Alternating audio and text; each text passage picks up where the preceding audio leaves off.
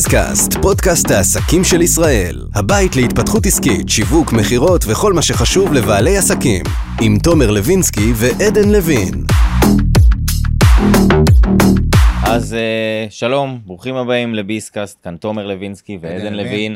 אנחנו מארחים היום את ספיר זיסמן, שמגיעה אלינו. ספיר יש לה מכללה ויש לה הרבה מאוד דברים שהיא עושה, ואנחנו מאוד שמחים לארח אותך אצלנו בביסקאסט. תודה רבה גם- שבאת. ספירי גם אשת עסקים וגם אימא במשרה מלאה. חייב לציין. כן, כן, כן, התקשקשנו על זה הרבה לפני הפודקאסט, אבל אני גם ככה אציג את עצמי. בוא נתחיל במי שבאמת לא מכיר אותך כן. uh, עדיין, אז ספרי לנו כן. קצת עלייך. אז ספיר זיסמן, כמו שאמרנו, בת 31, אימא לאלמה ואמה, שתי uh, מקסימות בהפרש של שנה וחצי, אז אחת בת חצי שנה ואחת בת שנתיים, זה אומר שזה היה כמה שנים מאוד אינטנסיביות של uh, אימהות במשרה מלאה, אבל על זה כמובן גם העסקים שלנו, uh, שלי ושל איתי בעלי, יש לנו את המכללה, שזו מכללת ספיר זיסמן, אנחנו יושבים ברמת גן, מכללה שמתעסקת בכמה תחומים, אה, ליווי עסקים, עמידה מול קהל, NLP, שוק ההון, התפתחות אישית, יש לנו את אפליקציית אקסטרבי, שזו אפליקציה שהיא מהממת, זו אפליקציה שמבוססת על אה, טכנולוגיה של בינה מלאכותית, שהיא בעצם אה, מתאימה מהעולמות של המדיטציה והתכנים של ההתפתחות האישית, אה, לכל אדם בנקודה שהוא נמצא ספציפית, את התוכן שהוא צריך, לפי הבינה המלאכותית שיודעת להתאים לו את וואלה, זה. מטורף. סופר מעניין. וואו. אמ, ועוד הרבה דברים שאנחנו עושים, יש לי פודקאסט משלי, אישה השראה, ולאיתה יש חברת גיימינג, ופועלים גם ביזמות במשרה מלאה, וגם בהורות במשרה מלאה, ו... כל הכבוד, זה את כן. עושה בגיל נורא נורא צעיר, אז תני לנו קצת בקצרה איך התחלת, איך הגעת לכל זה, איך היום להגיע למצב שיש לך מכללה, במיוחד שאת בת 31, את ממש צעירה, אה, וכבר הספקת את הכל, איך, מאיפה זה מתחיל, מאיפה זה מגיע, מתי המכללה מתחילה. כן. אז זהו, אז קודם כל, אמרתי לכם גם לפני כן, זה, מי שעוקב אחריי כבר הרבה שנים יודע שהמקור שלי, זה הגיע מתוך עולמות של NLP והתפתחות אישית. זה היה, תראו, האמת שמהרגע שהשתחררתי מהצבא, יזמות, אני ואיתי ביחד מגיל 17. שתבינו וואו. רגע כמה שנים אנחנו וואו. ביחד. מה, הכרתם בבית ספר? הכרנו, הוא במקור מהרצליה, אני במקור מגבעתיים, הכרנו דרך אה, חברים משותפים, בגיל 17. בגיל 17. וואו. איזה אלופים. זה הרבה שנים. זה כן. עניין כמו בעסקים של התמדה, ככה גם פה. לגמרי, לגמרי. אז אנחנו גם שותפים לעסקים, אבל גם שותפים לחיים מגיל מאוד צעיר. מהמם. ומאז ומעולם היינו כאילו יזמים. זאת אומרת, אני חושבת שאני יכולה על אצבע אחת לספור את הפעמים שהייתי שכירה בחיים שלי. והיית? במקדונלדס. הייתי, כשהייתי בת אה, 16 עבדתי שם, זהו, מאז כאילו לא, לא הייתי שכירה. זאת אומרת, לפני הצבא היית, עד אחרי הצבא, נגמר. נכון, לגמרי. ואחרי הצבא חיפשתי באמת את, ה, את הדבר הזה שאני אוכל לבטא את עצמי בו, ובכלל הלכתי לכיוון של אופנה, פתחתי עסק בתחום האופנה, זה ככה היה מה זה עסק בתחום המקום. האופנה? הייתי מעצבת. למדתי איזה שנתיים עיצוב אופנה ב... כשהשתחררתי מהצבא, באתי מבית שרצו בשבילי ללכת ולחפש איזושהי דרך שהיא מאוד אה, בטוחה, אבא שלי פתח עסק כשהוא היה צעיר, העסק הזה נפל מכל מיני סיבות כאלה ואחרות, וגדלתי בבית כאילו מאוד, הייתי חרשנית, משרד ראש הממשלה בצבא, ציונים כאילו, את נראית כזאת, את יודעת, חרשנית, באמת חרשנית, כאילו חולת נפש. פרפקציוניסטית. ממש, וזה היה כאילו רק כזה טבעי, שספיר תלך ותהיה רואת חשבון, ותעשה איזשהו משהו יציב ובטוח, וכאילו זה, לזה ייעדו אותי, כל חיי. אמ, וכאילו בסוף הלכתי בכלל הכי אנטיתזה, הלכתי לאופנה, ועם הזמן הבנתי שאני יותר אוהבת לעבוד עם אנשים שהגיעו כאילו אליי, שאני אעצב להם את הבגדים, יותר מאשר לעצב. מהמם. אבל מכאן עד ללעשות עם זה משהו, זה היה די רחוק. ולצערי, הרבה פעמים בחיים, אתם בטח מכירים את זה גם מעצמכם, אבל לפעמים אנחנו יודעים שאנחנו צריכים לעשות שינוי, ואנחנו לא עושים עד שאנחנו מקבלים איזושהי סתירה אה, משמעית. אה, שהחיים מביאים לנו, אלוהים, לא משנה במי אנחנו אה, מאמינים. ואני ואיתי ביחד המון שנים, אבא של איתי, שהיה כמו אבא השני שלי, אה, נפטר מדום לב, שהוא היה בן 67, וואו. זה היה פעם ראשונה שאני כספיר חוויתי מוות, חוויתי אובדן של מישהו, וכאילו פתאום נפל לי האסימון, לא יודעת אם התמודדתם אי פעם עם חרדות, אבל היה לי חרדות מאוד קשות, ונפל לי האסימון, ספיר, את כאילו fucking כאן לפעם אחת, מהמם.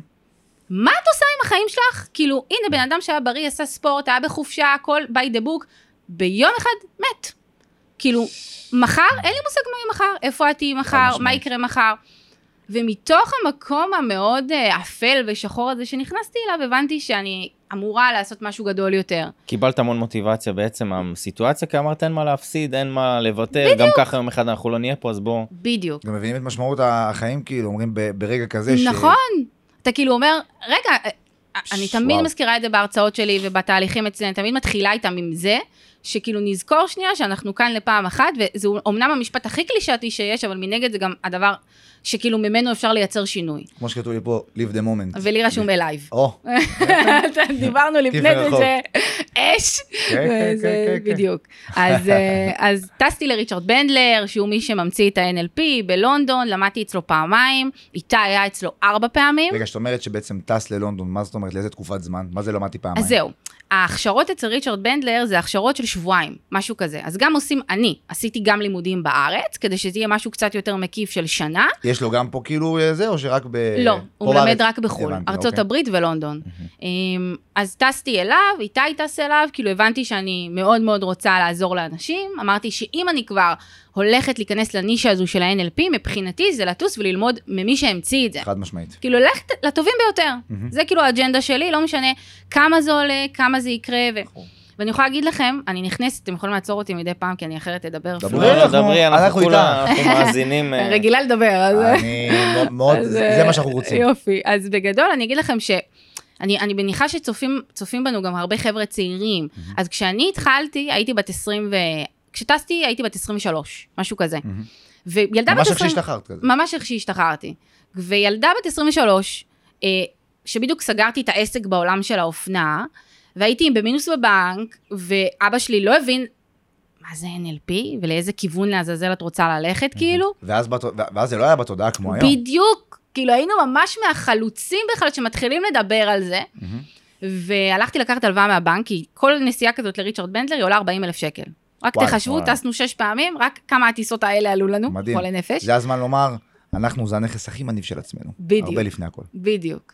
זה גם הנכס שהכי יניב לנו בסוף את הכי יניב, התוצאות. חד משמעית. ברור. אז, אה, אז הלכתי לבנק, ואני לא אשכח את היום הזה, אני יושבת מול הפקידה, ואני אומרת לה, תקשיבי, אני צריכה לקחת הלוואה, והיא מסתכלת עליה, אומרת לי, איזה, כאילו, איזה, מה את נותנת לי, איזה ערובות, יש לך מינוס בבנק, מה זה? ישבתי לה, אמרתי לה, תקשיבי, אני מבטיחה לך שההלוואה הזאת, אני הולכת לעשות פה משהו מטורף במדינת ישראל, אני אקים בית ספר. ואני לא יודעת מה אשכרה. היה שם, באמת, אני לא אשכח את השיחה הזו, אני תמיד, אני מחפשת את הפקידה, היא לא עובדת יותר בבנק. עד עכשיו אני כל סרטון אומרת, אם זו הפקידה, תודה, שתראה, שתראה. שתדעי שעזרת. ממש. אמ, אבל היא האמינה בי, לא יודעת, משהו שם, היא האמינה בי, נתנה לי את ההלוואה, אבא שלי לא ידע. הבן אדם היחיד שידע זה איתי. שנתיים אחרי זה, ובאמת, אחרי שטסתי, חזרתי, פתחתי כבר את הקורס הראשון שלי, ומאז כאילו, עוד שנייה אני אספר קצת איך זה התגלגל, אבל מאז הגענו עד הלום, אבל שנתיים אחרי זה ישבתי עם אבא שלי, והוא אמר לי, ספ- אני לא אשכח את היום הזה, הוא אמר לי, ספיר, מזל שלא סיפרת לי, אם היית מספרת לי, הייתי מוריד. אותך מזה, אז אה, היום מכללה מאוד מאוד גדולה ומצליחה, אבל בטח שהתחלת בקטן. איך איך מתחילים? איך התחלת להגיע בכלל לתחום? כאילו, מה, מאיפה זה מגיע? כן, אז אמרתי מקודם באמת שבאתי בכלל במקור מעיצוב אופנה, וכשהבנתי שאני יותר אוהבת לעבוד עם הנשים עצמן מאשר עם, ה, עם, ה, עם הבגדים, הבנתי שאני רוצה ללכת להתעסק בעולם של העזרה לאנשים ו mentoring, והחלטתי שאם אני כבר הולכת ללמוד את התחום של ה-NLP, אני, יש לי אג'נדה כזו שאני הולכת ללמוד מהטובים ביותר. עכשיו, מי שהוא הטוב ביותר ב-NLP זה מי שהמציא את השיטה, קוראים לו ריצ'רד בנדלר, דוקטור ריצ'רד בנדלר. הוא מלמד רק בלונדון ובארצות הברית. כל טיסה כזו עולה 40 אלף שקל. אוקיי, עכשיו אני טסתי פעמיים ללונדון, איתי טס ארבע פעמים, שנינו כאילו כבר השקענו שם נראה לי לא יודעת כמה כסף. זה הזמן לומר, אנחנו זה הנכס הכי מניב של עצמנו, וממש, זה, ככה ככה הולכים על זה, ככה בול. הולכים על פי המסלול הזה. ואני יכול להגיד שלונדון מאוד יקרה, הייתי בא ו... לונדון מהממת. ומהממת, אבל מאוד. יקרה, נכון. וכל טיול שם זה... לגמרי, לגמרי. לגמרי, מאוד יקר. אז אני זוכרת שבאותם ימים, אתם יודעים, הייתי עם מינוס בבנק, לא היה לי כאילו עכשיו מישהו שיבוא ויממן אותי. גדלתי בבית שאבא שלי פתח עסק כשהוא היה צעיר, והעסק הזה מסיבות כאלה ואחרות לא צלח, ובאתי, הייתי צריכה לקחת הלוואה מהפקידה. ואני זוכרת, אני מינוס בבנק, אין לי איזה שהם ערובות לתת לה, הדבר היחידי שיכולתי לתת לה זה את ההבטחה שלי. אני לא אשכח, ישבתי מולה עיניים לעיניים, ואני אומרת לה, תקשיבי, ועד היום אני מחפשת אותה. כאילו, כל סרטון, כל הרצאה שיש לי, אני שואלת אם זו הפקידה, אם איכשהו היא תגיע אליי, כי היא לא נמצאת בבנק יותר. אמרתי לה, תקשיבי, אני יודעת, אני אקח את ההלוואה הזו, אני יודעת שאין לי כרגע את הערובות, אני מבטיחה לך, אני, אני אחזיר את זה פי כמה וכמה, ואני מתוך זה אבנה את הבית ספר שלי, והיא שמחה עליי. והיא ואיתה היו היחידים שידעו שלקחתי הלוואה. עכשיו, שנתיים אחרי זה תקלטו, אבא שלי ישב איתי, אמר לי ולאיתי, אני לא אשכח את זה, הוא אמר לי, ספיר, אם היית מספרת לי שאת הולכת לקחת הלוואה מהבנק לאיזה שטות, כי מבחינתו באותם ימים מה זה בכלל NLP, ללכת ללמוד בלונדון מאיזה מישהו, והייתי מוריד אותך מזה, וכל מה שהקמת, וכל הבית ספר, וכל הפעילות, זה לא היה קורה. ברור. והרבה פעמים מגיעים אליי אנשים למחלקות, בטח עסקים, בטח אנשים שרוצים להקים משהו, או להגשים חלום, שהאנשים הכי קרובים אליהם, אימא, אבא, הבעל, האישה, החברים, לא תומכים, לא מבינים מה הם רוצים, מה הם עושים. ו- ו- וזה אחת הבעיות שמונעות מאנשים להצליח, הסביבה שלהם וההתייעצות הזו עם אנשים ש... שלא רלוונטיים. בדיוק, שלא עשו את מה שהם רוצים לעשות. ויותר מזה אני רוצה להגיד, שאני אני רוצה רגע שנרד, בכוונה אני רוצה רגע לקטוע את זה ולהגיד, לרדת ל- לרזולוציה הזאת כן. של, אוקיי, את עכשיו השתחררת מהצבא, את באה לאותה פקידה, את כל כך בטוחה בעצמך ואומרת, אוקיי, אני רוצה עכשיו הלוואה כדי ללכת ולטוס. מה בעצם עובר לך בראש? זאת אומרת, איך הגעת למצב שאת מאמינה בעצמך כל כך, שאת יכולה, שאת כאילו בטוחה בזה, לקחת את הסיכון הזה, כן, כביכול. איך שאלה טובה. הזה? אז אמרתי לכם שאני, המקום שממנו בכלל הגעתי לעולם הזה, זה בא מתוך כאב מאוד גדול. מהמם. זאת אומרת, אבא של איתי בעלי נפטר מדום לב בגיל מאוד מאוד צעיר. בתכלס, הייתי במקום שצורת, אני לא יודעת מי מכם מתמודד עם חרדות, אבל הייתי בצורה, הייתי במקום שצורת החשיבה שלי הייתה ש... המחיר, אוקיי, של אי עשיית הפעולה, הוא הרבה יותר גדול מהמחיר של עשיית הפעולה. זאת. אומרת, את יכולה לנסות, ואולי זה יצליח ואולי זה לא יצליח, אבל המחיר של לסיים את החיים האלה. באיזושהי חרטה של אם, זה שלא עשיתי את מה שנועדתי לעשות, זה מחיר ממחקרים שעשו, שהוא הרבה יותר גדול מהמחיר של עשיית הפעולה. זה כל מה ששמתי כל הזמן מול העיניים שלי. זה כאילו היה ברור. זה היה כאילו ברור מבחינתי, שאם אני בעולם הזה וקיבלתי חיים ואני כאן, אני חייבת לעשות משהו משמעותי. שחיים. פעם אחת, וזה הזמן, ובמיוחד לאנשים צעירים, אני תמיד אומר לחבר'ה צעירים, זה הזמן שלכם לבוא, להתפוצץ, לתת הכל. נכון. כי אחרי זה שתהיו מבוגרים, זה נהיה יותר קשה, יש יותר נכון. התחייבויות, יש משפחה, יש פה... וכשאת עשית את זה בגיל. צעיר, והיית אה, ככה, ויכלת לעשות את זה, ולא חשבת פעמיים, נכון. וזה גם הסיבה שהצלחת. והחלק הזה, הרגע הזה של לקחת החלטה בגיל צעיר, זה מה שגורם לאנשים בסופו של דבר להגיע למסלול שהם שלמים ואוהבים את מה שהם בטח. עושים ומצליחים, לבין מסלול חיים שמביא אותם למקום שאולי הם פחות בסופו של דבר שלמים עם עצמם ופחות נכון, מרוצים. נכון. אנחנו דיברנו על זה שאני ואת אה, אותו סגנון תקשורת מקדם, ויש לנו גם קעקוע דומה על היד. כן, וזה. the moment. ככה כן. צריך, מה? בדיוק. אני אגיד לכם, אני, אז באמת העשייה התחילה מתוך התפתחות אישית, זאת אומרת, היה לי קורס, שזה קורס הדגל, שהרצנו המון שנים ואלפים של אנשים עברו אותו, שזה היה נקרא ללמוד לאהוב את החיים, אבל בכלל המקור, כי לפעמים אנשים חושבים שאתה מתחיל וזה חייב להיות אה, אה, אה, קשה. אז אני, אני קצת רוצה לספר מאיזה מקום זה הגיע, לפעמים זה לתפוס איזשהו גל, מהמם. ובמקרה שלנו, באותם ימים, אם אנחנו נלך 8-9 שנים אחורה, לא היה באותם ימים אה, הש, סרטוני השראה או סרטוני מוטיבציה. את היית בין הראשונות שבכלל התייחסו למוטיבציה והתחילו לפמפם את הנושא של מוטיבציה. יש לך בדיוק. עמוד שנקרא אה, סרטונים... אה, כן, סרטוני השראה הטובים ביותר. ו- ומשם התחלנו, זאת אומרת, בהתחלה התחלנו, הבנו שיש צורך, העלינו בהתחלה סרטונים שהם סרטונים של מנטורים גדולים, מוכרים, כדי שהעמוד יתבסס. מדהים. וברגע שהעמוד התבסס, התחלנו להכניס גם סרטונים שלי, ובגלל, ואתם מגיעים אתם מעולמות של שיווק, גם אתם יודעים שהחשיפה האורגנית שהייתה באותם ימים, זה כאילו אין בכלל מה להשוות את מה שקורה היום. עולם אחר. ומה שהיה זה שזה היה ברמה שהיינו מעלים פוסט, ובקליק, קליק, היינו ממלאים אורגנית, אולם של 200-300 איש, פעמיים בחודש, כל. חודש, מאות אנשים מכל הארץ, זה היה פסיכי. זה הזמן גם לעצור ולהגיד, שפה את מציינת עובדה, שכל הרשתות החברתיות האלה, גם בעולם של היום, זה נכסים דיגיטליים. חד משמעית. כי וואלה, התחלת אה, להעלות סרטונים, והתחלתם לייצר תוכן על בסיס שוטף לפני תשע שנים, נכון. שאז כאילו, מה שטיקטוק היום כביכול, בדיוק. ומילאתם אורגנית אולמות, וזה בדיוק העניין ללמה צריך לייצר תוכן על בסיס שוטף ברשתות נכון, החברתיות. נכון. וגם יוזמה. כי הרי זה, זה, זה פודקאסט שמתעסק בעסקים, ויזמות, ויוזמה, וכאילו אנשים רוצים להצליח, אבל, אבל מה הם אתה צריכים עושה? לעשות בשביל זה? בדיוק. מה אתה עושה בשביל זה? וכמה אתה מבין שיהיו דברים שאתה תנסה, ולא יצליחו, כי לפני העמוד של סרטוני ההשראה הטובים ביותר, פתחנו עמוד אחר, ולא שלא הצליח. הצליח. ניסוי וטעייה. מה, הייתי, אז, אז אני מוותרת? לא. לא, אז אני לא מוותרת, בדיוק. אני ממשיכה ואני לומדת מהטעויות שלי, ואני מקבלת עזרה מהאנשים שעשו את זה לפניי. בדיוק. לא מנסה ראש בקיר, אני עם עצמי, מה עבד, מה לא נכון. עבד. היום, היום אתם מתעסקים בהרבה יותר ממוטיבציה, נכון. גם בעסקים ובדברים, כאילו איך, איך, זה, איך זה מתפתח לדבר כזה, איך גדלים ל- להתעסק בכל כך הרבה דברים. כן, אז קודם כל, ה- באופן טבעי אני מאמינה שכבעל עסק, בכלל, כאישה, אתה, אני, אני התפתחתי כבן אדם. זאת אומרת, אם בהתחלה זה היה ספיר זיסמן ללמוד לאהוב את החיים, היום זה מכללת ספיר זיסמן, כי ככל שאני התפתחתי וגדלתי, ראיתי שיש עוד תחומים שאני טובה בהם, שבא לי להעביר אותם, שהם רלוונטיים לי, ואז נולד באמת מחלקת עסקים אצלנו, מחלקת סופרסטארים, ונולד מחלקת עמידה מול קהל, שזה מרצה בטופ, והשקעות, ו-NLP, והתפתחות אישית. אה, אז כאילו באופן טבעי, עם ההתפתחות שלי, נולדו להם אה, עוד מחלקות ותחומים שאנחנו מתעסקים בהם. שזה גם מסר מאוד מאוד חשוב לכל מי ששומע אותנו, שאת יודעת, אה, ויש לנו פה את הדוגמה למופת, שצריך להתחיל ממשהו מסוים, לצבור, ליצור בו מיומנות, ככה לקבל נכון. ניסיון, אני- ואז להפוך להיות multitasking. אני חושב שבמקרה שלה מדובר בהתמדה, הרי בסופו של דבר תמיד. התמידה במה שהיא עושה, ומהרגע שהיא החליטה שהיא פותחת והיא עושה והיא מקימה, עד היום אני מאמין שאת עושה דברים בטח. חדשים ומכניסה דברים חדשים, ואחרת לא הייתי יכולה לצמוח, להתפתח וגם להגיע למצב שיש תחתייך כבר אנשים. נכון. כאילו, אני רואה הרבה מאוד חבר'ה שמגיעים אלינו למחלקות, שהם, אנחנו חיים בעידן שהוא מאוד פומו. זאת אומרת, בן אדם כן. מפ, מפחד לפספס, כן. ואז אנשים כל הזמן קופצים בין רעיונות. כאילו, עשו משהו אחד, זה לא הצליח, עוד זה, והם הם לא באמת מבינים שבשביל שמשהו יצליח, אתה צריך לפתח מיומנויות בדיוק. של אינטליגנציה עסקית, של יזמות, של להבין איך לקחת רעיון ולהפוך אותו הלכה למעשה למשהו מהותי. ואני רוצה להגיד לכם שבשביל שאנחנו נוכל לעשות את הטרנספורמציה מרק מחלקה אחת לעוד מחלקה ועוד מחלקה ועוד מחלקה, אני באג'נדה שלי, כל מחלקה הייתה חייבת להיות מבוססת.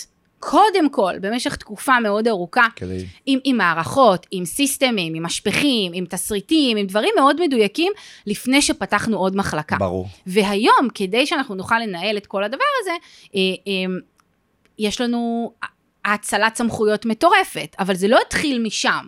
אז ספרי לנו קצת איך היום-יום נראה, כן. כמה אנשים, כמה מתעסקים, תני לנו קצת כן. תכניס ה... אותנו ליום בחיי. כן. אז באמת, אה, היום אני תמיד אומרת לאנשים שאני משמשת כדוגמנית של העסק. כאילו, אני, אני בעיקר... פרזנטורית. כן, בדיוק, פרזנטורית. אנשים אני- קונים ממך, בסוף אני, אנשים אני קונים מאנשים. בעיקר מצלמת אה, תוכן, אה, בגלל. אבל, אבל גם, אני מאמינה שעסק, אני אומנם מגיעה מעולמות של מנטורינג והתפתחות אישית, אז, אז קודם כל, במהות, אני מאמינה שצריך להיות שם לב ושליחות. על זה, זה צריך להיות כיף, ועל זה צריך להיות גם רווחי. זאת אומרת, זה צריך להכיל, להכיל את כל שלושת הפרמטרים האלה בעיניי. חד משמעית. אז מתוך המקום הזה, קודם כל, אני כל הזמן שואלת את עצמי היום, ספיר, מה יעשה לך טוב לעשות בעסק שלך? מהמם. בתחילת הדרך הייתי one woman show, עשיתי הכל.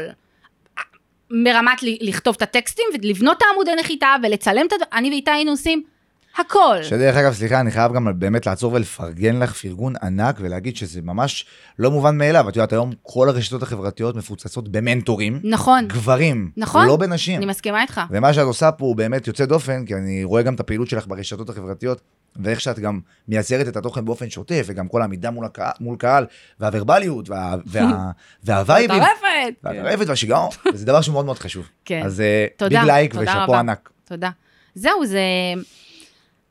אז אני אענה על שני הדברים. כן. אז, אז באמת, יש פה את האלמנט של, היום אני באמת בעיקר משמשת כהפרזנטורית של העסק, אבל אני גם כל הזמן שואלת את עצמי מה בא לי לעשות.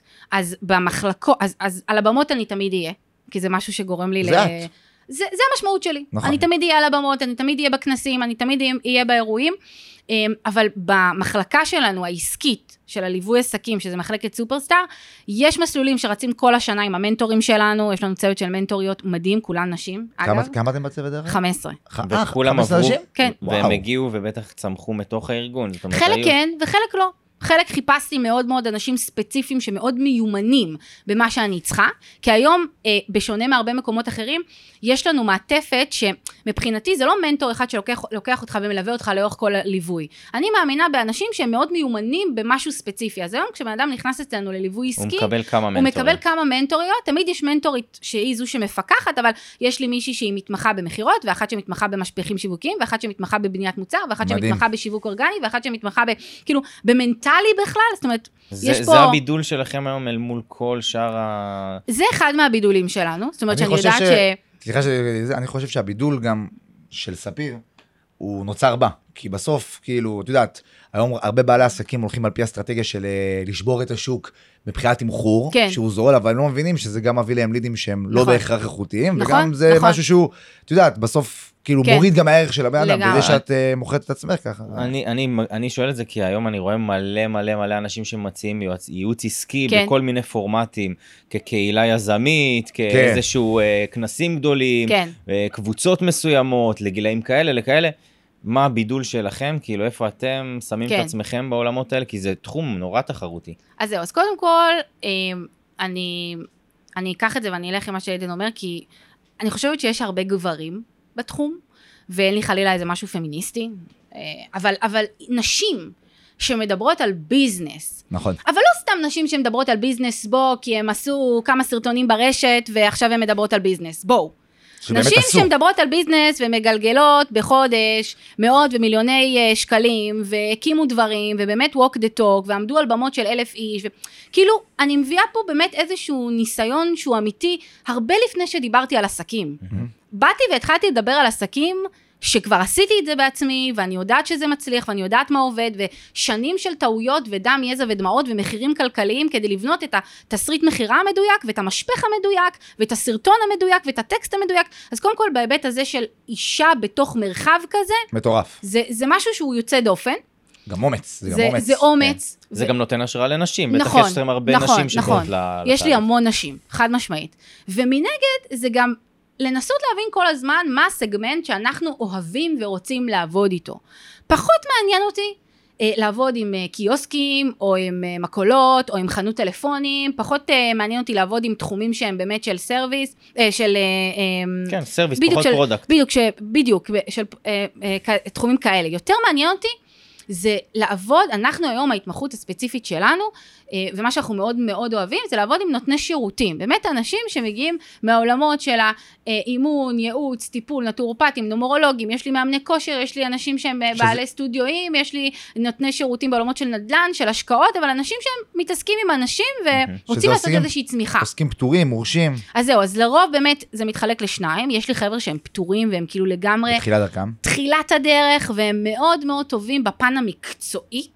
כאילו, כאלה שמגיעים אליי עם דוקטורט, והם אומרים לי, תקשיבי, ספיר, אני כבר 20 שנה לומד, ואני לא מצליח לגרד אה, גם יותר אנשים מש... מבוגרים. ממש, לא מצליח לגרד יותר מ-7,000 שקל בחודש. זה לעבוד איתם הרבה על מכירות, זה לעבוד איתם על לעבוד גם על. הכל.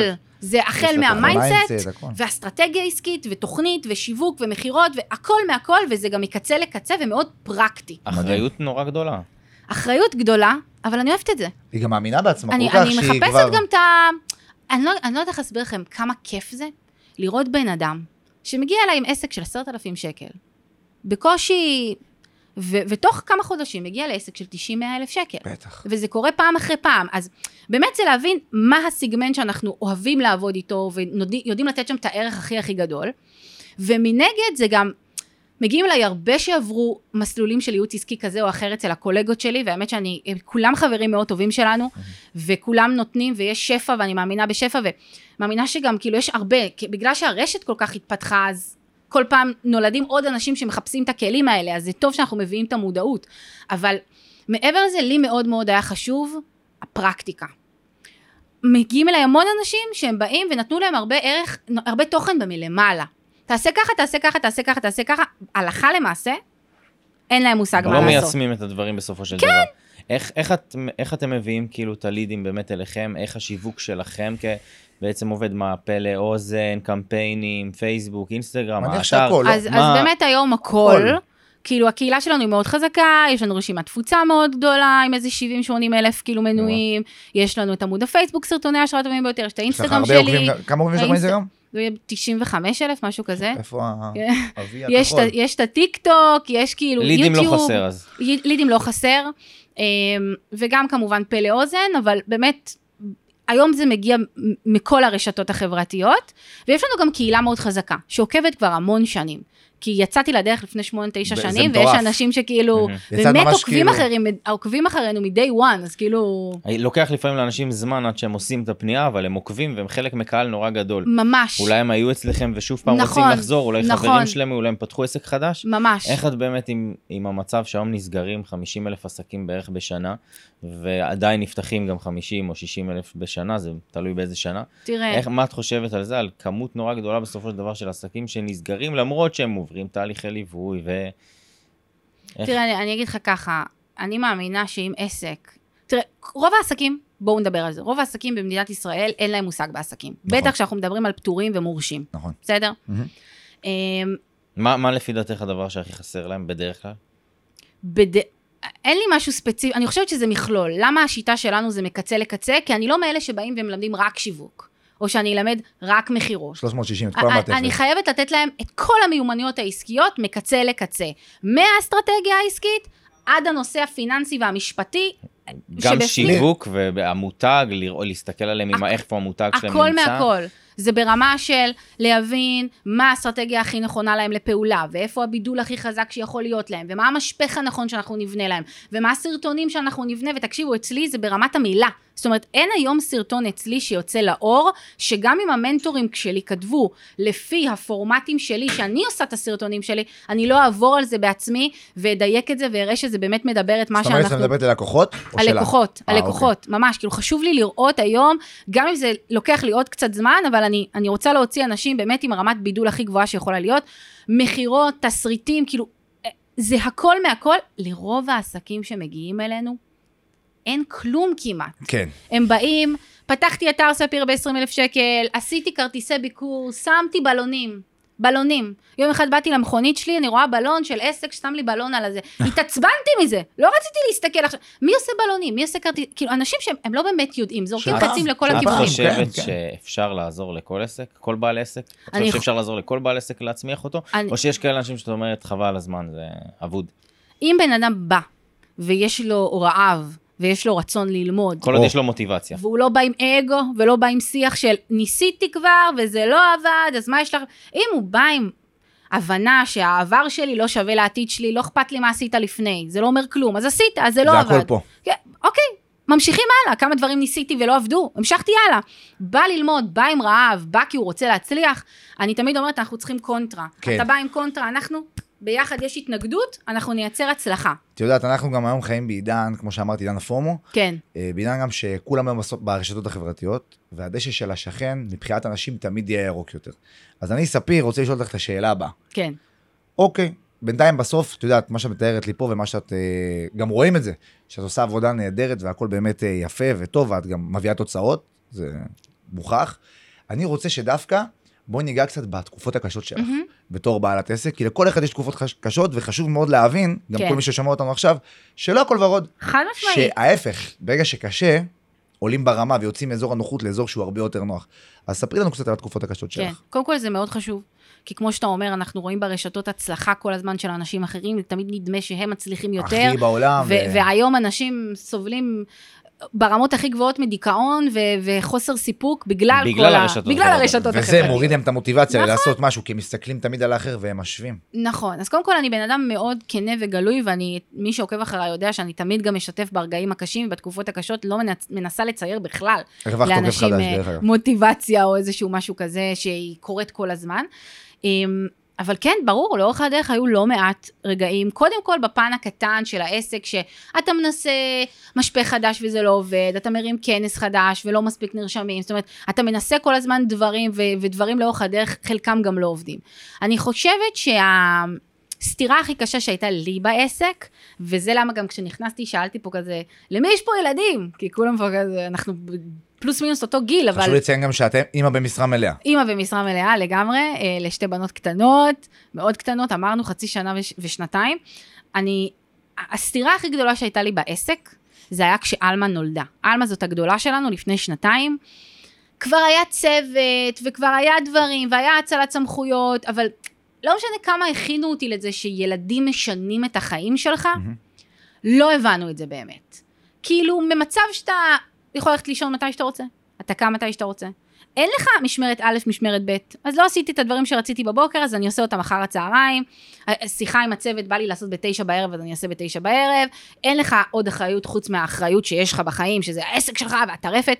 בא הילד לעולם, זה הדבר הכי מדהים, זה אהבה שכואבת בגוף, אבל זה fucking שינוי תעתוע. מטלטל של החיים שלך. אבל זה גם דחף אותך, אני מאמין, עוד אז יותר זהו, קדימה. החיים לטווח שלך הארוך. פתאום מצטמצמים לפרק זמן מאוד מוגבל, אז פתאום אתה צריך להבין מה הפרטו שלך. אתה לא יכול עכשיו להתפזר לכל עבר ולעשות דבר... כן. לא, הזמן מוגבל, אני צריכה להיות יעילה יותר. הזמן מוגבל, אני צריכה להאציל דברים שאולי עד היום שמרתי לעצמי כי היה בא לי... לא. להאציל, לבקש עזרה. אני תמיד אומרת לאנשים, אתם רוצים להביא ילדים?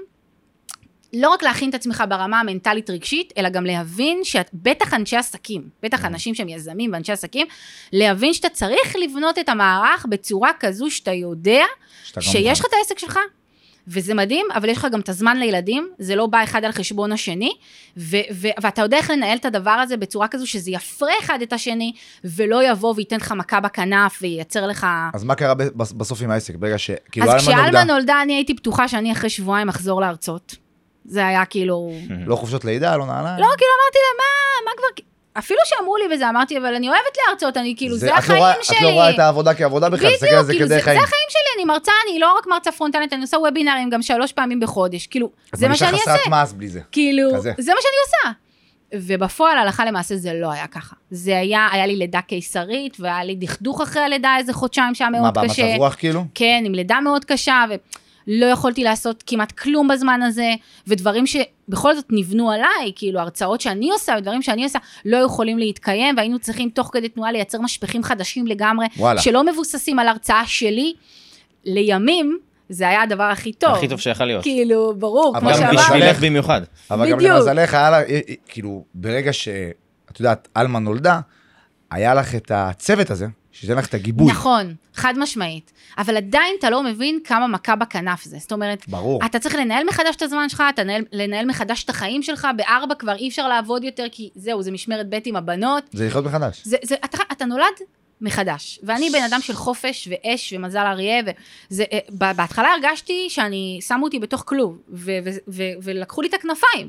והייתי צריכה להבין איך אני מוצאת את הגרסה החדשה שנולדה פה. אימא שנולדה פה, ובכל זאת מביאה את הדבר המדהים הזה, ומתוך זה אגב נולד הפודקאסט אישה השראה. וואלה. להביא אימהות ונשים?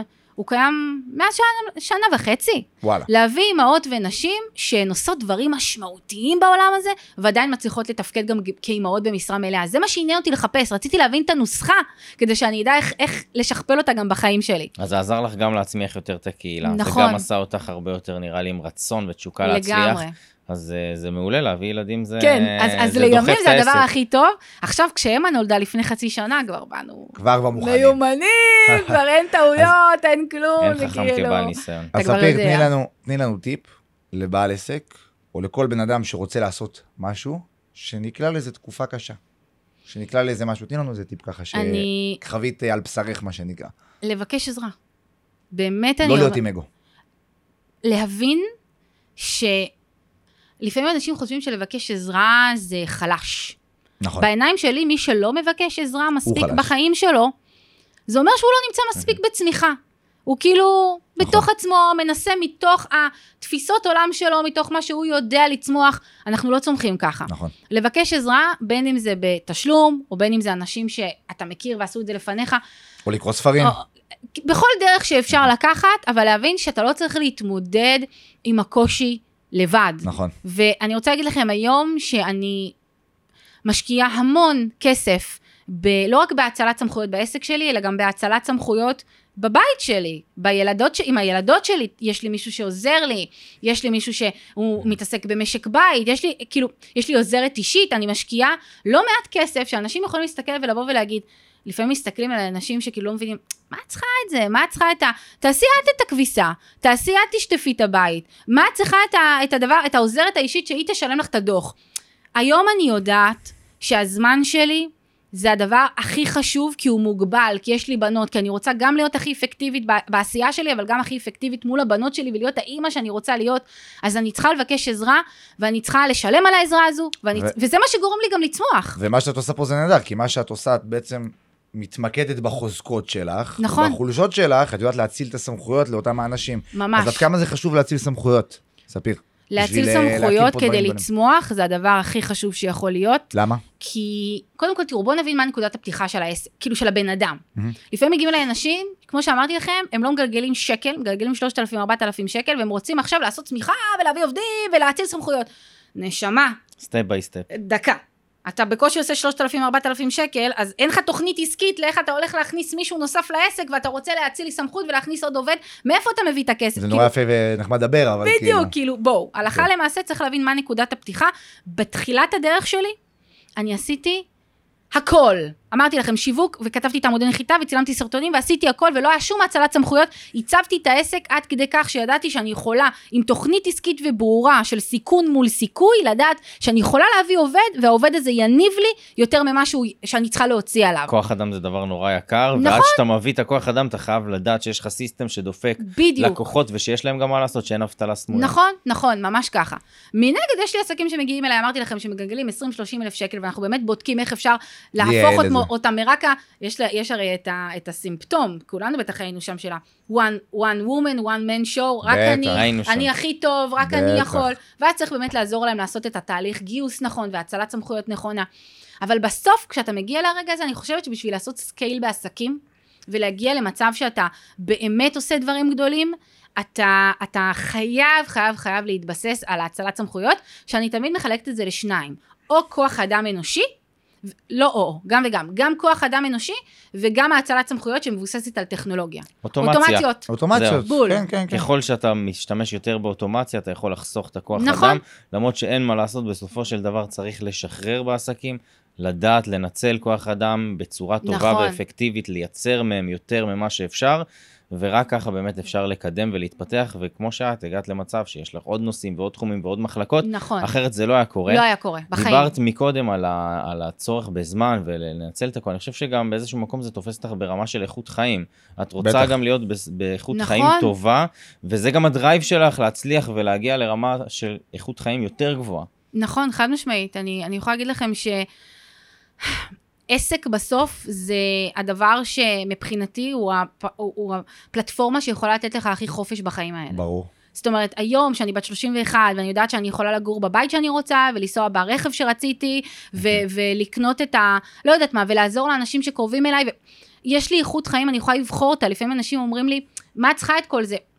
אני יודעת שזה, האיכות חיים הזו נותנת לי את היכולת לעשות יותר טוב בעולם הזה. ו- ולהשפיע יותר ולגדול. וכאילו, היום, אם אתה רוצה לעשות דברים גדולים, באמונה שלי, יזמות ולבנות משהו שהוא שלך ועסקים, זה, זה הפלטפורמה. בטח. משם אתה יכול לצמוח להשקעות, אנחנו משקיעים היום ברור. בשוק ההון, ויש כאילו הרבה פרמטרים לצמיחה נוספת, אבל זה מתחיל מההבנה שאם הזמן שלך שווה כסף, אם אתה מתעסק במשוואה הזו, יהיה לך. תקרת זכוכית ואתה בבעיה. נכון. גם חשוב לציין, את יודעת שכל המודעות, הופה, שכל המודעות לעסקים, ליזמות, בשנת 2023, עלתה רצח. בגלל כל לגמרי. הקטע של הרשתות כן, החברתיות. נכון. טירוף. היום, אני מאמין שאת פתחת את העסק, זה... היית די הרגשת חלוצה בקטע הזה, כן. כי רוב. הסביבה היה מאוד ממש. אנשים היו קורסים שהולכים- שהיו מלמדים אנשים, אני, אני לא אשכח, כמה קורסים שהיו מלמדים אנשים, היו עושים עלינו case study של איך עשינו כאילו את, ה, את הפריצה עם הנכס של סרטוני ההשראה הטובים ביותר, מדהים. מרוב שזה היה כאילו חלוצי בימים האלה. כן. אז, אז חשוב להגיד ביחס למה שאתם אומרים, שיש הרבה תולדה של אנשים שמקימים עסקים, יזמויות מגיל מאוד צעיר. הכי חשוב לי בעולם להגיד להם, שכמו שאמרתי מקודם, שבעיניי המתכון להצלחה ולעשות את זה נכון, זה לקחת אנשים שעשו את זה לפניך, ו- ולהיות תמיד תמיד תמיד מלווים, לא משנה אצלי, אצלכם, אצל קולגות שלנו, לא משנה, אבל לקבל עזרה, ו- ולא לנסות כאילו ראש בקיר למי לבד. את הסביבה שלנו מקבלת? גם, רגע, סליחה? משהו קטן כזה, זה. הסביבה שלנו מראה מי אנחנו בסוף. נכון, זה השתקפות. ממי את מקבלת השראה? כי את לוקחת השראה אולי ממקומות מסוימים, וזה נותן לך גם את ה... בטוח, אני אנחנו, בטוח שהיא לוקחת אנחנו כל הזמן אה, נמצאים, אני ואיתי כל כמה חודשים, עכשיו עם הלידה ועם עם ה, עם החופשה אחרי לידה, אנחנו קצת כזה בעצירה קטנטונת, אבל אה, אנחנו כל הזמן יושבים, קובעים ביומן את החופשה הבאה שלנו, אנחנו מאוד אוהבים ללמוד ממנטורים אה, בחו"ל. מדהים. אה, ה bootcamp של גרנט קרדון עוד מחכה לנו, קנינו כרטיסים עוד למיאמי. וואלה. אה, ואז נכנסתי להיריון, ואז ילדתי, אז זה קצת היה יותר מורכב, אבל... אה, יש אבל- נציגות לגרנט קרדון בישראל? פה בתל אביב. כן, יש נציגות יש- של נועם שפלטר ואוהד, הם חברים מאוד טובים שלנו, מקסימים. יצרו עושים עבודת חסד? איתם. את גם הולכת? לא, אני? לא קשורה לנציגות, אני מאוד מאוד אוהבת ללמוד מהמקור, כי. גרנט קרדון זה כאילו, כן. כמה הפגישה איתו, סתם דוגמה, סתם אה. אני לא יודעת. אנחנו לא הגענו עוד לפגישה איתו, אני חושבת, אני לא... אני חושבת שזה יכול להגיע בוא, בוא נדבר לעשרות על אלפי זה. דולרים, מאות אלפי דולרים. בוא נדבר על זה שאת עובדת ביחד עם בעלך, וזה משהו שהוא נראה לי מאתגר. זה אולי יכול להביא מאוד מאוד טוב, כי יש הרבה זמן לעבודה, ויש תמיד על מה לדבר, אני בטוח שתמיד יש לכם על מה לדבר בבית, אבל אה, זה מאתגר. תראו, אני אומרת ככה, לעבוד עם הבן זוג שלך, זה או מתכון לגירושים. או שזה הדבר. הכי טוב שאתה יכול לעשות. איתי הוא השותף הכי טוב שיכולתי לבקש. איזה יופי. באמת, כשנכנסנו, הרי דיברנו על זה שאתם שניכם אנרגיה שונה. כן. אני ואיתי זה אותו דבר. זאת אומרת, אנחנו מאוד משלימים אחד את השני. איתי הוא טיפוס של אקסלים, מחשב, הוא היה מתכנת מחושב. בגיל עשר, הוא כאילו מאלה של משימתי. מאוד משימתי, מאוד מדויק. אני בן אדם של אנשים, ואנרגיה, וחום, וחיבוקים, ו... כן. ו- ואנחנו משלימים אחד את השני. היום יש לנו הבנה מאוד ברורה מה התחומי אחריות של כל אחד בעשייה. אנחנו משתדלים לא לזלוג אחד לשני לתפקידים, גם בבית וגם בעבודה. גם בבית וגם בעבודה. למה אתם את למרות? שאתם יודעים, איתי עושה הכל, גם בבית. כאילו יש כאלה שהבעל חוזר לעבודה אחרי שהאישה יולדת, ואז האישה בבית, והיא זו שקמה בלילות, ואצלנו זה כאילו, שנינו קמים בלילות, ושנינו מאכילים, ושנינו עושים הכל מהכל, ואני גם הענקתי עד עכשיו, אז כאילו הייתי שואבת בבקבוקים, ולא לא אלאה אתכם בדברים האלה, אתם עוד לא שם, אבל עושים הכל מהכל, אה, ביחד. אה, אנחנו מאוד מאוד מאוד... אה, אותי, אותי מעניין איך, אה, לא, איך כאילו לא מערבבים בין העבודה כן, ידעתי שאתה תשאל את זה, ברור. לחיים, ואיך מגיעים למצב כאילו שלא לוקחים חילוקי דעות, כן. שקשורים אולי לעבודה. הרי כי בטוח יש חילוקי דעות. תמיד, תמיד יש, דרך אגב, זה גם לא דבר רע, זה נכון. טוב. ברור. אבל ברור. אה, איך, איך מגיעים למצב שמפרידים, וזה לא נכנס גם לחיים האישיים, כי זה טריגר שיכול להשפיע בסופו של דבר. אז זהו, בתחילת הדרך היינו רבים הרבה יותר, כי אני חושבת שעוד למדנו, כאילו, מה אחד כל השנייה. אחד יותר טוב, ואיך אנחנו עושים את החלוקת תפקידים, והיה שם הרבה יותר שיח כזה שהיה גם נכנס הביתה, ו... זה לא עבודה מבחינתנו, וזה לא משהו קלישאתי שאני אומרת עכשיו, כי זה, אני רוצה להוציא מזה איזה סרטון לא, את רואה את זה מוטיבציה. כדרך זה חיים. באמת, לא, באמת, כאילו, זה לא, זה לא, סרטון. זה לא עבודה מבחינתי, זה כאילו, אני קמה בבוקר, אני לא שבוזה, אני סופר נהנית ממה שאני עושה, אני יכולה לבחור היום בעסק שלי מה בא לי לעשות, ואני יכולה לצמוח ולגדול ולזרוק חצים לכל מיני כיוונים שבא לי. העסק שלי היום הוא מקום שמפריע אותי לצמיחה, אז זה אחד. ואתם ביחד בו ואנחנו כמובן. ביחד בזה, ואנחנו כל אחד מאיתנו מושך לכיוונים ש, שאנחנו יודעים שיפרו את איתי יותר, או שיפרו את ספיר יותר, ויש דברים שאנחנו גם נוציא בתוך העסק בנפרד, ואיתי יעשה דברים בעצמו בעסק שיותר מפרים אותו, ואני אעשה, ויש לנו קהל היום שבאמת לוקח כל דבר שאנחנו נוציא. אז רגע, איתי- איתי הוא כאילו מאחורי הקלעים, הוא או שהוא גם המנכ"ל. מייצר תוכן? איתי הוא ממנכ"ל את העסק, אבל הוא מייצר תוכן? אבל, אבל הוא לא כמוני, אבל יש דברים ספציפיים שהוא מאוד אוהב לדבר עליהם, נגיד עסקים הוא גם מאוד אוהב לדבר, אמ, אז, אז יש דברים ספציפיים שהוא אוהב לקחת אליו. אולי נביא אותו לפרק הבא. יאללה. לגמרי. הוא, אתם, אתם, תראו, אתם תראו שני דברים שונים? לחלוטין. כן. כאילו שוב, אנחנו נדבר את אותם דברים, אבל תראו את זה כאילו מאנרגיות שונות. רגע, אפשר- הוא- הוא רגע, סליחה, הוא גם אה, מעלה סרטונים לאינסטגרם ולטיקטוק וכאלה, או שהוא... פחות. אה, פחות? פחות מעניין אותו להיות ה... זה אף פעם לא היה העניין שלו את להיות ה front והוא ה front. הרבה- הרבה קופיס, לגמרי. הבנתי. למרות שעל הבמות, אם אנחנו נעמוד, הוא תמיד יעמוד איתי. כן. כאילו, כי אנחנו שנינו מאוד מאוד אוהבים את זה, אז אנחנו ביחד. אה. אבל חילוקי, אבל איך לא להביא את העבודה הביתה? אז, אז אני אומרת, זה כאילו, זה לא עבודה, אז באופן טבעי אנחנו, לא אנחנו כל הזמן. צומחים ומדברים, ויש לנו רעיונות, אבל אנחנו גם יודעים מתי, והיום זה זמן זהב, הנה עוד משהו שילדים עושים וזה טוב, שהילדות באות הביתה בשעה 4, 4 וחצי, אנחנו כאילו עד ההרדמות, שזה בדרך כלל שעה שמונה, אנחנו רק איתן. כאילו זה לא, לא יהיה שם עבודה. עד... אה, אה, וכאילו, והצוות עובד, והעסק עובד, ועדיין הכל ממשיך לעבוד. לגמרי, יפה. לגמרי. ומה התוכניות לעתיד, ספיר? הופה. לא עוד ילדים. לא לא כרגע, ילדים. לא כרגע, לא.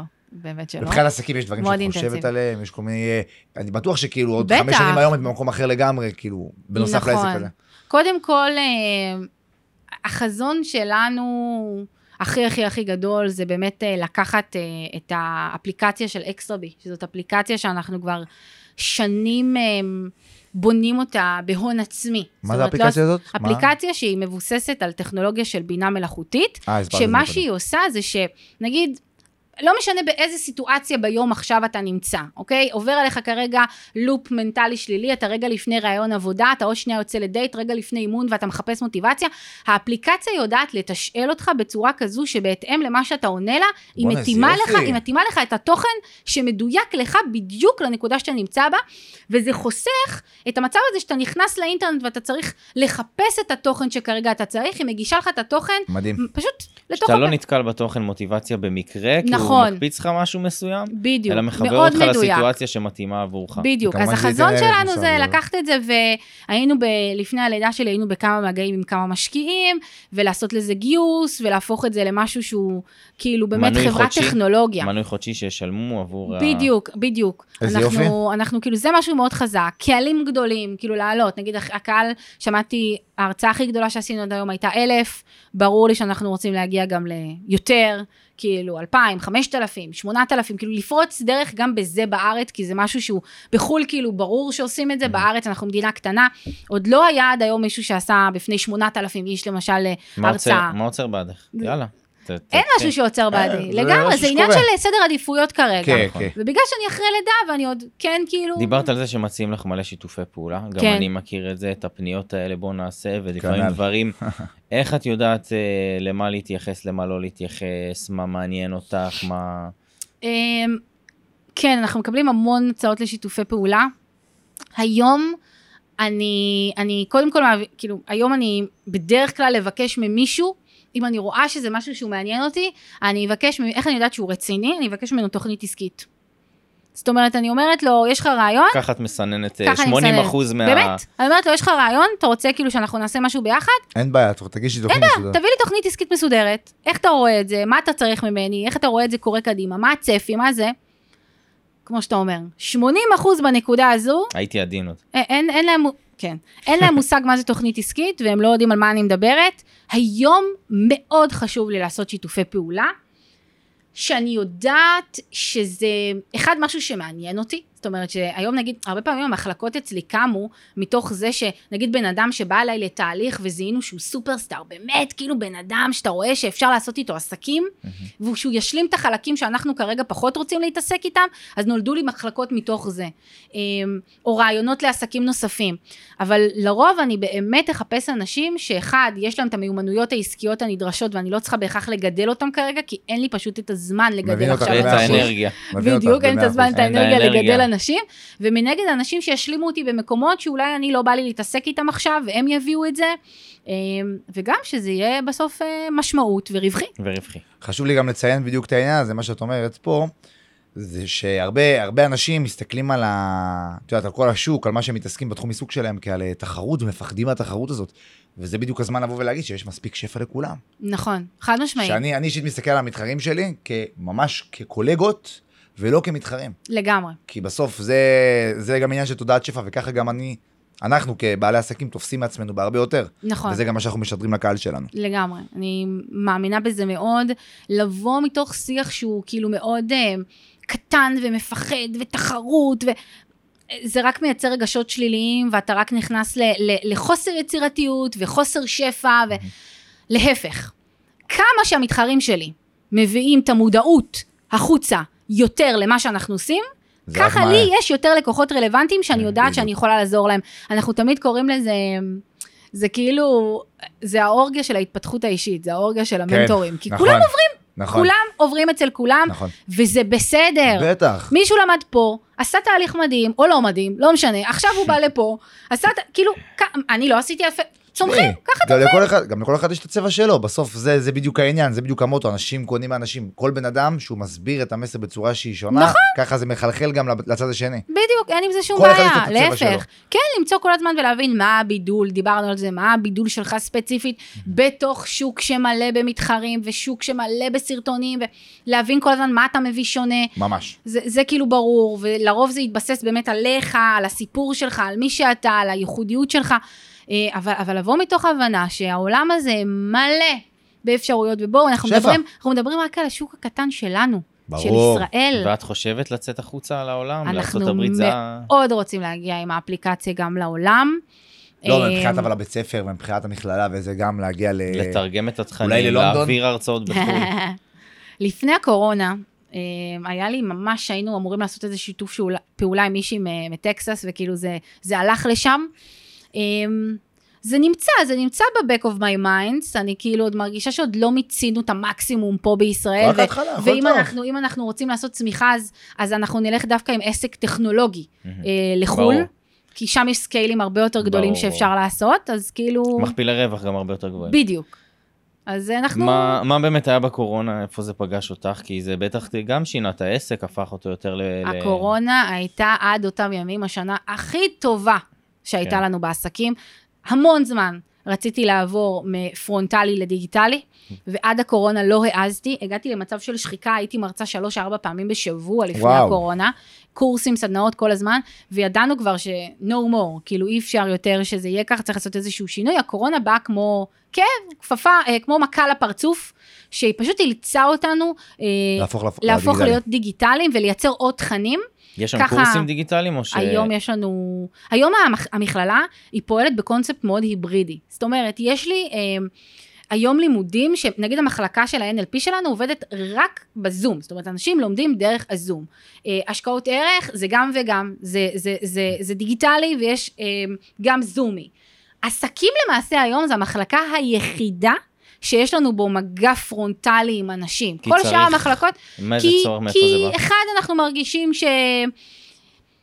אנשים משלמים הרבה מאוד כסף, הם באים לעשות צמיחה בעסק שלהם, אנחנו מרגישים שאנחנו חייבים לתת שם את פרונטלי זה חשוב אחוז להם, בטח. פרונטלי, את התחושה, את המגע, ויש כאלה שמעדיפים גם שלא, שהם עושים את זה בזום, כי אין להם כוח לנסוע. כשאת אומרת בזום יש לך בעצם את המנטורי- המנטוריות שלך, שגם מעבירות להם את ה- את ה- את ה- את ה- את התכנים. את התכנים בזום עצמו. אז כן, יש לנו, כשבן אדם נכנס אלינו לליווי עסקי, זה גם ליווי שהוא...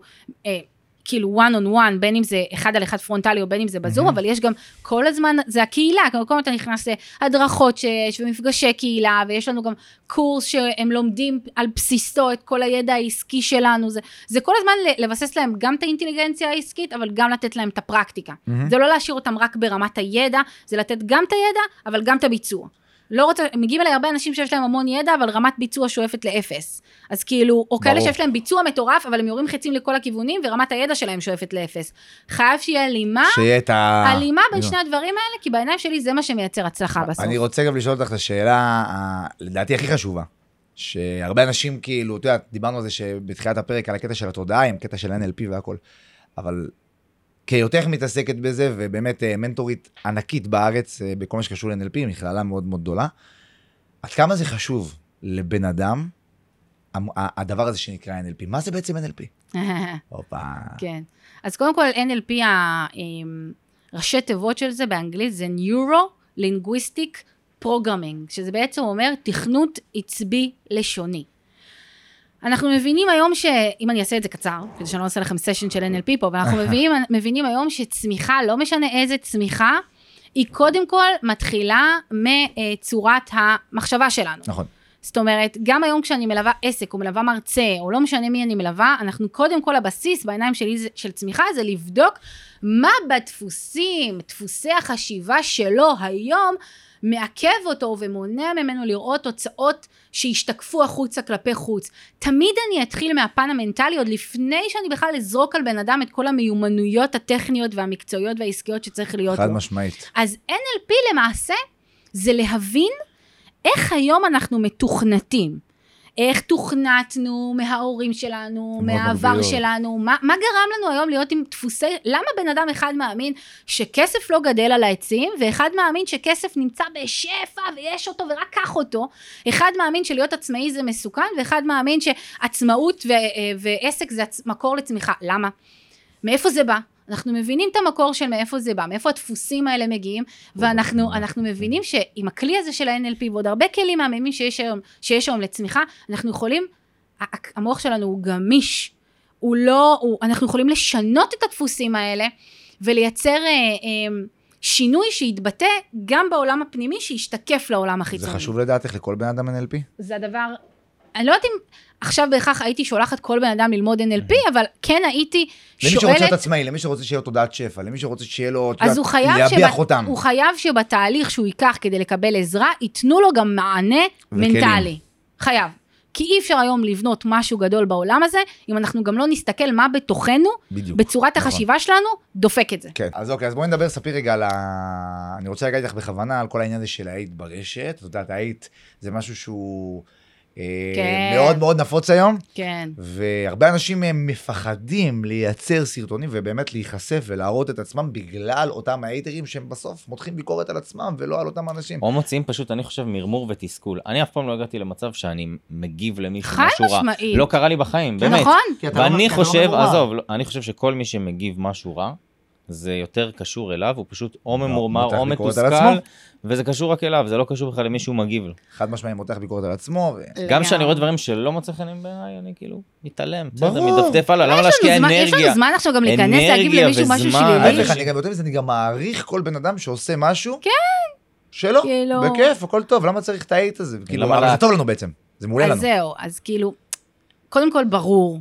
אני חושבת שלאורך הדרך, כמעט על כל סרטון שלנו שהגיע למאות אלפי צפיות או מיליוני צפיות, אתם תיכנסו ואתם תראו 50% אנשים שהם מעריצים ואוהדים, ו-50% אנשים שהם כאילו... אפילו יותר, על- אפילו 80 אחוז. מה שאתם רוצים אני שמעתי, על השורש שלי בשיער, על זה שאני צועקת, על מה שאתם, באמת, על חולצה שלבשתי, מה שאתם רוצים שמעתי. היום זה כבר לא חודר אלייך. היום זה כבר לא חודר, אה, חד משמעית להפך, אני חושבת שכמה שאתה תטוס יותר מעל הרדאר, אתה, אתה צריך לקחת בחשבון שאתה תשמע אנשים שזה לא יבוא להם בטוב, וזה גם הפרמטר הכי טוב ב- בשבילי, שאני מייצרת איזשהו משהו פה. עכשיו, אני לא מאלה שהם מתסיסים לאומיים, זאת אומרת, יש כאלה שכל סרטון שלהם זה פרובוקציות. במטרה לייצר פרובוקציה, ופרובוקציה קשה כדי לייצר את ההד סביב זה.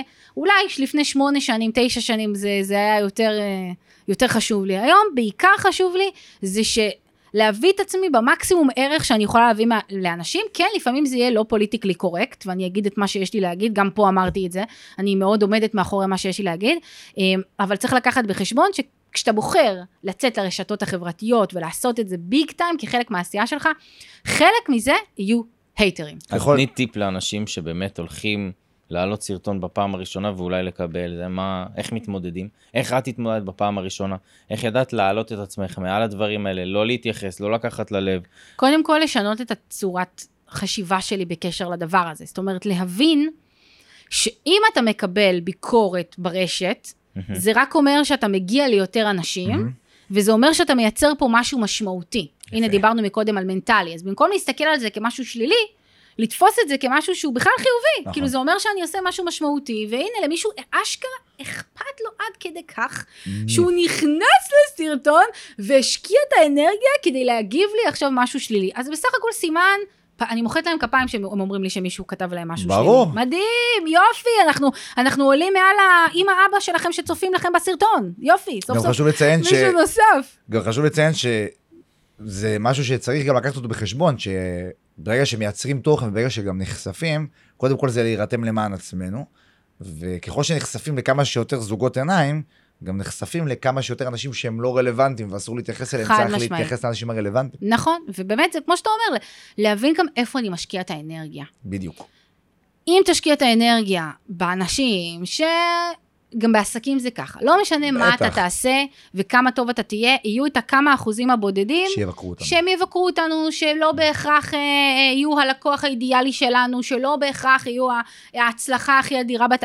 ו- ואז אתה, אתה כל הזמן שואל את עצמך, איפה אתה משקיע את האנרגיה? בכל ה-99 אחוז ש... עושים דברים מדהימים ומצליחים, או באחד אחוז שכותבים לי את המשפט הזה, אוקיי, אז יש דברים שכתבו לי ולמדתי מזה, ולקחתי, וזה היה מדהים, וזה הביא אותי לרמה הבאה שלי. למעשה, הרבה פעמים, דווקא מהביקורת שכתבו לי לפעמים, ב, נגיד בהדחיה שלי בתחילת הדרך, למדתי והסתכלתי איך אני יכולה לשפר, וזה הפך אותי לפרזנטורית טובה יותר, אבל היו גם דברים, שזה כאילו לא משנה כמה טוב אני אעשה, פשוט יהיה לאנשים מה להגיד, אז איפה אני משקיעה את האנרגיה? בלנסות להילחם באנשים האלה, או לקחת את האנרגיה הזו ולהשקיע אותה בעשייה? יש משפט שאני אומר אותו קבוע, גם נראה לי בכל פרק אמרתי את המשפט הזה, אתה יודע? גם אני אומר את זה בכל, שיחה, בכל שיחת מכירה שאני עושה עם לקוח, שאני מאוד אוהב להגיד אותו, והוא ידוע ב-NLP, איפה ששמים את התשומת לב, לשם כן, האנרגיה הולכת. לגמרי. חד משמעית. נכון. וזה באמת נכון, וזה משליך על כל דבר. נכון. בין אם זה בעסק, בין אם זה בזוגיות, בין אם זה בחיים עצמם.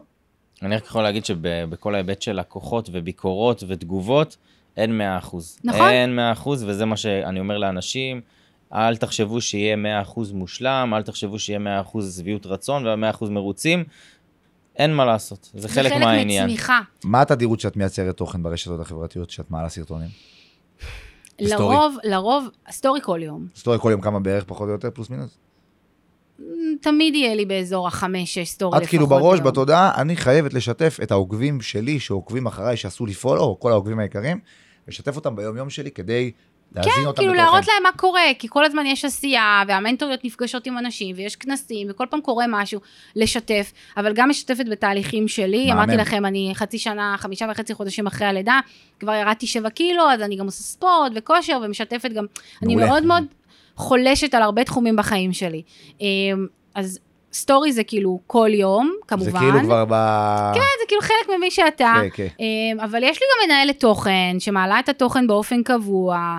ימים שאם אני לא מצליחה להגיע, אז תמיד יעלה תוכן, כי יש מישהו שיושב על זה. כל יום עולה סרטון? היו לנו תקופות שכל יום היה, היה עולה סרטון, היו לי תקופות ששלוש פעמים בשבוע עולה סרטון. אנחנו כל הזמן בוחנים את מידת ההשפעה של זה. כי את בעצם על המותג, הקהל. את בסופו של דבר המותג, רוב העשייה זה את, נכון? נכון. היום הכל קם ונופל עלייך, כאילו, את הדמות המרכזית. אז משקיע המון אמ, במיתוג שלך ובמיצוב שלך, ונורא נורא חשוב לשמור אותך גם בתודעה בסופו של דבר. תראה, היום, אם היית לוקח אותי כמה שנים אחורה, אז זה היה שיח של אם ספיר כאילו לא נמצאת, אז אני לא באה. אבל היום, אני אמנם בפרונט, אבל התהליכי מכירה שלנו הם לא מכוונים אליי. זאת אומרת, הם כבר מכוונים לסיסטם, לשיטה, למה שעבד לי כדי לבנות, לבנות את הדברים, מה שעזר לי לעמוד על במות, מה שעזר לי להגיע ל, לעסקים שלי, מה שעזר לי להגיע לצמיחה. היום אנשים באים והם קונים את התהליכים, זאת אומרת, את, את מה שעזר לי לה, להגיע לתוצאות שאני רוצה. זה את, לא מבוסס רק עליי. כי את מוכרת את זה נורא נורא טוב, את בעצם לא מוכרת את זה. את מוכרת את עצמך. את נותנת את, ה, את הערך המוסף לבן אדם, שכאילו, זה לא משנה כמה כסף הוא יוציא מהכיס, הוא יודע שברגע שהוא מגיע אלייך בגלל האני מאמין שלך, נכון. ככה הוא גם יקנה ומן הסתם, הוא נכון. גם יגיע לתוצאות עתק. כאילו שאתה עם ילדים, אתה חייב להבין שאם העסק יהיה מבוסס רק עליך, זה מתכון ל... בכלל, עזוב רק ילדים, עזבו, כאילו, באופן כללי, כללי, כמתכון לצמיחה. אתה לא יכול שהעסק יהיה מבוסס רק עליך, והייתי... זה מגביל אותך. בנקודה מסוימת, הייתי חייבת לייצר איזשהו תהליך של... האצלה כמובן של תהליך המכירה, או ההיצמדות עליי כגורם של קנייה, כי אתה לא יכול לצמוח ככה. כאילו היום אנשים קונים כי הם, בונים, הם קונים את המותג, הם קונים את השיטה, הם, הם קונים את זה, ו, ויש לי צוות שהיום אפילו עושה יותר טוב ממני את מה שאני הייתי עושה. איפה, איפה את רואה את עצמך מש... עוד חמש שנים, עוד שלוש שנים, מה המטרות? אתם מציבים כל שנה יעדים, מטרות, יושבים, מתכננים? אנחנו מאוד מאוד משתדלים שיהיה לנו מטרות uh, לכל רבעון בעסק. אמ, וכמובן חזונות יותר גדולים שדיברנו עליהם מקודם, בין אם זה הקהלים, בין אם זה האפליקציה והכל. אבל אנחנו כל הזמן רבעונית אמ, מציבים לעצמנו יעדים של, של שיווק, של גיוס, של מכירות אמ, ובקרה כמובן כל הזמן על היעדים האלה. זאת אומרת, אני יודעת שעכשיו אני מתמקדת במשפחים מסוימים, ועכשיו אני מתמקדת בגיוס ספציפי של עובד מסוים שאני צריכה, והגדלה מסוימת של תהליכי המכירה אצלנו, ואנחנו מודדים את עצמנו כל פעם כדי לראות איך אנחנו גודלים, מה אנחנו צריכים לשנות, מה עובד, מה לא עובד, כל הזמן עם תוכנית. זה לא פשוט גם לגייס, גם להכשיר, גם לאתר, גם לראות שהכל תקין, גם לטפל בלקוחות. את מרגישה שבאיזשהו מקום את מגיעה למעמסה נפשית נורא גבוהה? היו לך את הימים האלה, או שכאילו היום כבר הכל בסבבה וזורם, וכאילו... אה, אם היית לוקח אותי איזה כמה שנים אחורה, אז אה, אני חושבת שהפרי קונטרוליות שלי של להיות בשליטה על הכל היה הרבה יותר מטורפת. חזק, ממש. והיום הגיוסים שלי הם גיוסים מאוד חכמים בהיבט כזה שמאוד מאוד חשוב לי להביא אנשים שהם י- ייקחו ממני את מה ש... זאת אומרת, הם, ינהל, הם יהוו גם אה, כוח של ניהול. בטח. זאת אומרת, היום אני יכולה, כאילו המכירות אצלי, אני נכנסת בסוף יום, גם לא כל יום, לפאוורלינק, ל-CRM, אה, הפיירברי כבר קוראים להם היום, שלא יכעסו כן. עליי שאני עדיין קוראת להם פאוורלינק, הם כועסים שאנחנו קוראים להם עדיין פאוורלינק, אה, ואני נכנסת ואני רואה את הלוחות בקרה, אבל יש לי את המנהלת שעושה את זה באופן קבוע ומבקרת את מה שקורה, אבל אין לי היום את המאמץ, כאילו יש דברים היום בעסק, שכאילו אין לי, אין לך, אין לי את לא מושג, מודעת אין לי אליהם. engagement איתם אבל היום. בלגייס את האנשים, זה עובר דרכך. חייב. את לא יכולה להכניס מישהו, לא אני יהיה לפחות מישהו- יכול להגיד על עצמי, נכון. אני לא אכניס בחיים נכון, מישהו לארגון שהוא לא עובר דרכי. חד משמעית. עד ברור. כמה, עד כמה קשה לך לגייס אה, לפעמים אה, למקום מסוים, או כמה אנשים את פוגשת ומראיינת עד שאת בוחרת את הבן אדם ספציפי שאיתו את מחליטה להתקדם לרעיון שני, לגיוס, ל- כן. להתחלת עבודה. אז באמת אה, חשוב להגיד שהיום תהליכי הגיוס שלנו הם מאוד מדויקים. זאת אומרת, אם פעם הייתי לוקחת אנשים שיש להם רק מוטיבציה, וגדלו אצלי באיזשהו קורס, והם נורא נורא כאילו ג'וניורים? ג'וניורים, בול, ואז הייתי משקיעה המון באמת בהכשרה שלהם, והייתי צריכה גם לתת שם המון פן מנטלי, והיום אין לך זמן. והיום אין זמן, העסק לא שם. בסדר גמור, היום, אבל היום, זה... זה, זה צמיחה טבעית. ברור. וטרנספורמציה שהיא הגיונית. אמ, היום תהליכי הגיוס שלנו מאוד מדויקים, זה יתחיל קודם כל בזה שאנחנו נשב ואני ואיתי נאבחן מה בדיוק אנחנו צריכים, ואנחנו גם לא נאבחן את זה לבד, לרוב הצוות ישקף לי. מה חסר, מעבודה. מהשטח, תכלס, ספיר, זה חסר, זה חסר, פה יש לנו צוואר בקבוק, פה יש לנו צוואר בקבוק, הם נותנים לי את כל הדאטה ואז אנחנו יושבים ובונים את המשרה שאנחנו רוצים לגייס, ואז היום באמת בגלל שיש לנו קהילה מאוד גדולה, אז מספיק שאני אוציא מייל לרשימת תפוצה, בום. ואני מקבלת באמת מאות של קורות חיים. איך ואז מה בוחרים? עושים? איך מסננים? איך בוחרים? זה, זה החלק אז, אז הקשה. הם חייבים למלא שאלון אצלנו. אמ, יש כאילו כמה שלבים עוד לפני שהם בכלל מגיעים לשיחת טלפון, הדף של הפירוט משרה, ואז הם ממלאים שאלון, שהשאלון... תני לנו כמה נקודות, כמה דברים, כי אני, אני הרבה מאוד פעמים קולגות בתחום אומרים לי, איך אתה מגייס, איך אתה עושה את התהליך, ואני מסביר להם כמה הסינון הזה שתעשה אותו, נכון. כמה שהוא יהיה יותר מדויק ויותר ארוך, בסופו של דבר יביא לך את התוצאה שאתה רוצה. כן. אז איך אצלכם את בוחרת, את מתמודדת עם הרבה מאוד אנשים, אז לרוב, באמת, כמו שאמרתי, כשמישהו, כשהוא מגיש לי קורות חיים, הוא חייב להגיש לי קורות חיים ביחד עם אה, טופס של גוגל פורמס פלוס משימת בית. פיילוט. זאת, פיילוט, חייב. מדהים. זאת אומרת, אין דבר כזה שבן אדם... אה, איך אני שמח לשמוע את זה? זה- כי זה בדיוק כמו אצלנו.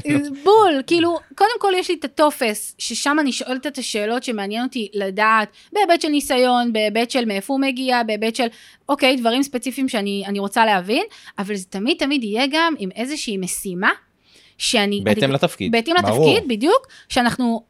אה, ואז יש סינון ראשון של מיכל, שהיא מנהלת המכללה, רעיון ראשון. היא מסננת טלפונית סינון ראשון, עובר לאיתי סינון שני, מי שכבר מגיע לפגישה איתי ועם איתי ביחד, זה כבר סינון כבר, שלישי. אה. כן. אז ואז אני צריכה לתת להם את גושפנקה. הגושפנקה, שזה באמת זה, ואני רוצה להגיד לכם שעד היום, ב... ברגע שעלינו רמה עם, ה... עם הצורת גיוס שלנו, בדיוק. ב... בשנה, שנתיים האחרונות, הגיוסים.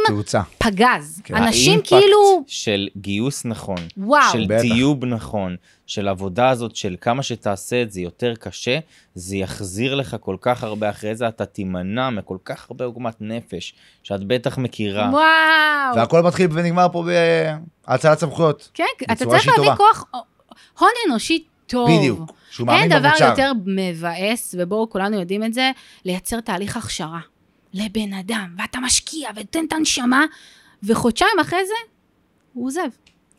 אז כאילו, כל העבודה המקדימה הזו מראש, תגרום לזה שאנחנו נביא את האנשים הנכונים, שהאנשים הנכונים גם לרוב יהיו אפילו, באמת אני אומרת לכם, יותר טובים מאיתנו. ברור, וזו אנחנו המטרה. לא צריכים האנשים הכי חכמים בחדר. חד משמעית. מישהו שהוא יותר טוב ממני, שעושה את התפקיד יותר טוב ממני, שמביא רעיונות יותר טובים ממני, שיכול לקחת את העשייה שלי בעוד אלף רמות. הצוות שלי היום הוא ממש כאילו אחד-אחד כאלה אנשים, איזה, וזה... איזה כיף זה להיות היום במקום הזה שאת נמצאת בו. שהגעת ולמדת בטח. ועברת וחווית, שאת יכולה היום להסתכל על דברים מנקודת מבט כזאת, כמו שסיפרת כרגע, שלא היית שם בעבר. היום ו- כיף לך, את זה כאילו, כיף. את כמה את שמחה. מאוד. את גם עם נורא ביטחון, שאת יודעת מה את עושה, נכון? את מרגישה את זה כאילו? בטח, אני רוצה להגיד לכם, בשבוע שעבר, לפני שבועיים, היה לנו ישיבת צוות, וכולם יושבים, ואתה... נכון, יש את הפעמים האלה בחיים שאנחנו כאילו מסתכלים מהצד, כאילו פתאום אתה כזה יוצא מהסיטואציה ורואה ואז את אתה מה מסתכל מהצד מה שקורה. בנית, בטח. בדיוק, ואז בטח. אתה מסתכל, ואתם יודעים, לפעמים בתוך השוטף, וחיים, וילדים, ועשייה, ו... ואז פתאום אתה רגע עוצר, ואתה מסתכל מהצד, ואתה אומר, בואנה, אותה ילדה, בת 23, שהייתה עם מינוס בבנק, שאף אחד לא האמין בה, מה היא בנתה? האנשים האלה, שמאמינים באותה שליחות שאני מאמינה בה, שכולנו נוהרים לאותו שמחויבים. שמחויבים, והלקוחות שמעריכים, והתהליכים, ונכון, לא הכל מושלם, וכל הזמן עובדים ומשפרים, אבל, אבל יש פה משהו שכאילו אני אומרת, אני תמיד שואלת את עצמי, ספיר, אם, אם עכשיו זה היה היום האחרון של החיים שלך, שלא נדע, כן, שנחיה עד 120 בבריאות, אבל, אבל, אבל היית מסתכלת אחורה והיית בחרטה, וכל עוד אני אומרת לעצמי, לא, או וואו, מה השגתי עד הלום ואיזה מדהים זה, אני יודעת שאני בכיוון הנכון. איזה כיף. את זה. מדהימה ובאמת, באמת, באמת. אתם מדהים, איזה כיף, אפשר כאילו להמשיך לדבר אפשר לדבר פה שעות, כן, והיה כן. לנו פרק אני גם כאילו מזדהה. נורא עם, התהליך שעברת והמקום שאת נמצאת בו. כן. זה, זה, כיף. זה כיף, זה כיף. ממש. לפגוש אנשים שהם כאילו עושים ויוזמים והגיעו לתוצאות מהממות בחיים, זה... בטח, זה זה כאילו כוח. לדבר, וזה סיור מוחות אה, אחד כאילו גדול. זה טבעי, ככה אנחנו יכולים גם עוד... אה, אז לסיכום, שבועות. אני רוצה שתתני לנו פה טיפ, את הטיפ הכי הכי גדול שאת יכולה לתת לנו פה, לעידן הנוכחי גם. לאותם בעלי עסקים, לאותם אנשים שמאזינים לנו עכשיו, בדיוק לעידן הנוכחי. שוט, שלך.